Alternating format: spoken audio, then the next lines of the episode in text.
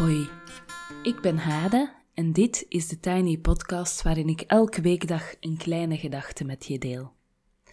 Vandaag is het 4 januari 2021 en de kleine gedachte gaat over de troost van warme, verlichte kamers. Maar op maandag checken we eerst heel even in. Dat betekent dat ik jou twee vragen geef waarmee je even kan kijken hoe het met je gaat. Wat speelt er bij je? Wat leeft er?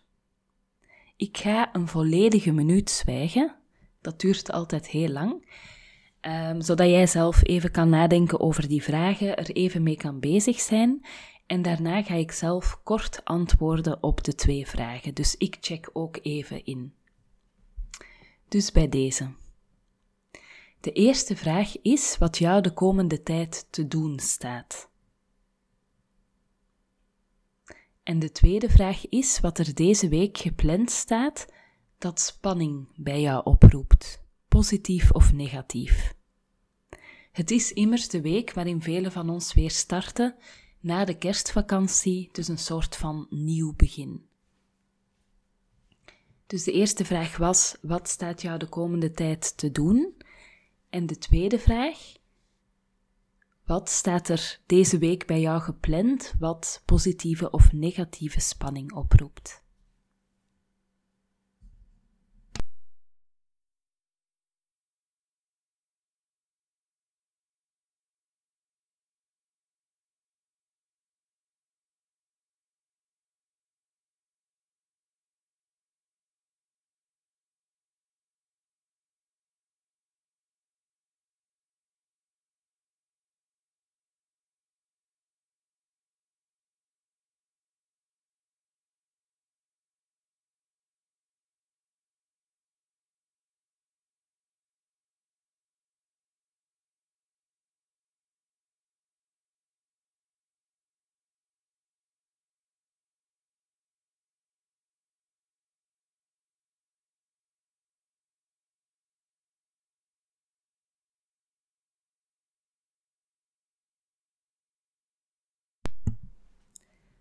Zo, zoals beloofd ga ik zelf ook heel even inchecken. Wat mij te doen staat, is alles weer op gang trekken. En dat voelt best massief, alsof ik een grote machine weer in gang moet duwen. En dat met dat kleine bedrijf dat ik heb. Er zitten een aantal projecten aan te komen waar ik op wil inzetten en ik moet uiteraard ook weer nieuwe opdrachten krijgen. In het jaar zijn er twee momenten dat alles even tot stilstand komt Um, en dat dus ook het inkomen voor een ZZP'er even wegvalt. En ik heb gemerkt dat is voor mij met kerst en in de zomer. Dus dan lijkt alles even tot stilstand te komen. En ik heb het idee dat dat nu met de corona zelfs nog een beetje meer uh, is. Het was mijn tweede kerst als ondernemer en ik ben, nog, ik ben er nog steeds niet echt aan gewend. Uh, dus ik vind het nog altijd een beetje moeilijk om zo te zien dat alles wel weer opnieuw gaat beginnen en dat de boel wel weer vanzelf uh, druk wordt en ja, dat er weer vanzelf uh, genoeg werk aankomt. Dan wat spanning bij mij oproept zijn op dit moment twee dingen. Eerst en vooral is er het thuisonderwijs dat hier in Nederland weer start. Ik vond dat tijdens de eerste lockdown heel naar en nu zijn we weer voor 2,5 week vertrokken. Hopelijk blijft het daar ook bij, maar dat is niet helemaal duidelijk en ook niet helemaal zeker. Verder geef ik op woensdagmiddag een online workshop. Ik ben intussen heel erg gewend aan online werken, maar ik hou er ook echt van om met mensen in een ruimte te zijn en elkaar daar te ontmoeten. Ik heb er vertrouwen in dat de workshop goed zal gaan, maar het blijft altijd een beetje spannend. Zo, tot daar het uh, inchecken voor vandaag. Deze week heb ik nog een aantal inzendingen van luisteraars rond kerst en nieuwjaar voor jullie. Ik was ontzettend blij met de kerst- en nieuwjaarsbrieven en verhalen van de voorbije twee weken en ik vind het heerlijk om er nog meer te mogen delen. Vandaag mag ik een stukje voorlezen van, of geschreven door Kim Marlier. En Kim kan je vinden op uh, kim.opdei.be. Um, ik ga dat even ook in de show notes vermelden. Kim schrijft verhalen voor mensen die iets te vertellen hebben en struikelen over de zinnen en blijven haken aan de kommas. Ik vond het heel fijn om Kim het voorbije jaar te leren kennen als een vrouw die niet enkel schrijft voor de kost, maar echt schrijft vanuit haar hart.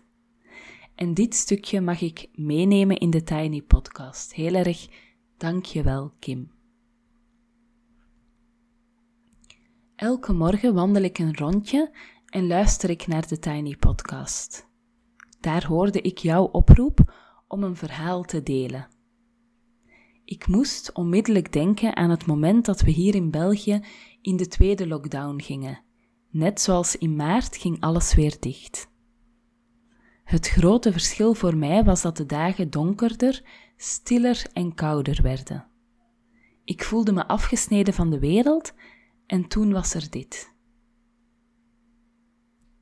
Regen gutst met koude vlagen rond. Niet het gestage gedruppel dat ons land kenmerkt, maar venijnige vlagen die snijden in elke millimeter blote huid die ze weten te vinden. De wind beukt hardhandig tegen me aan en ik maak slechts millimeters.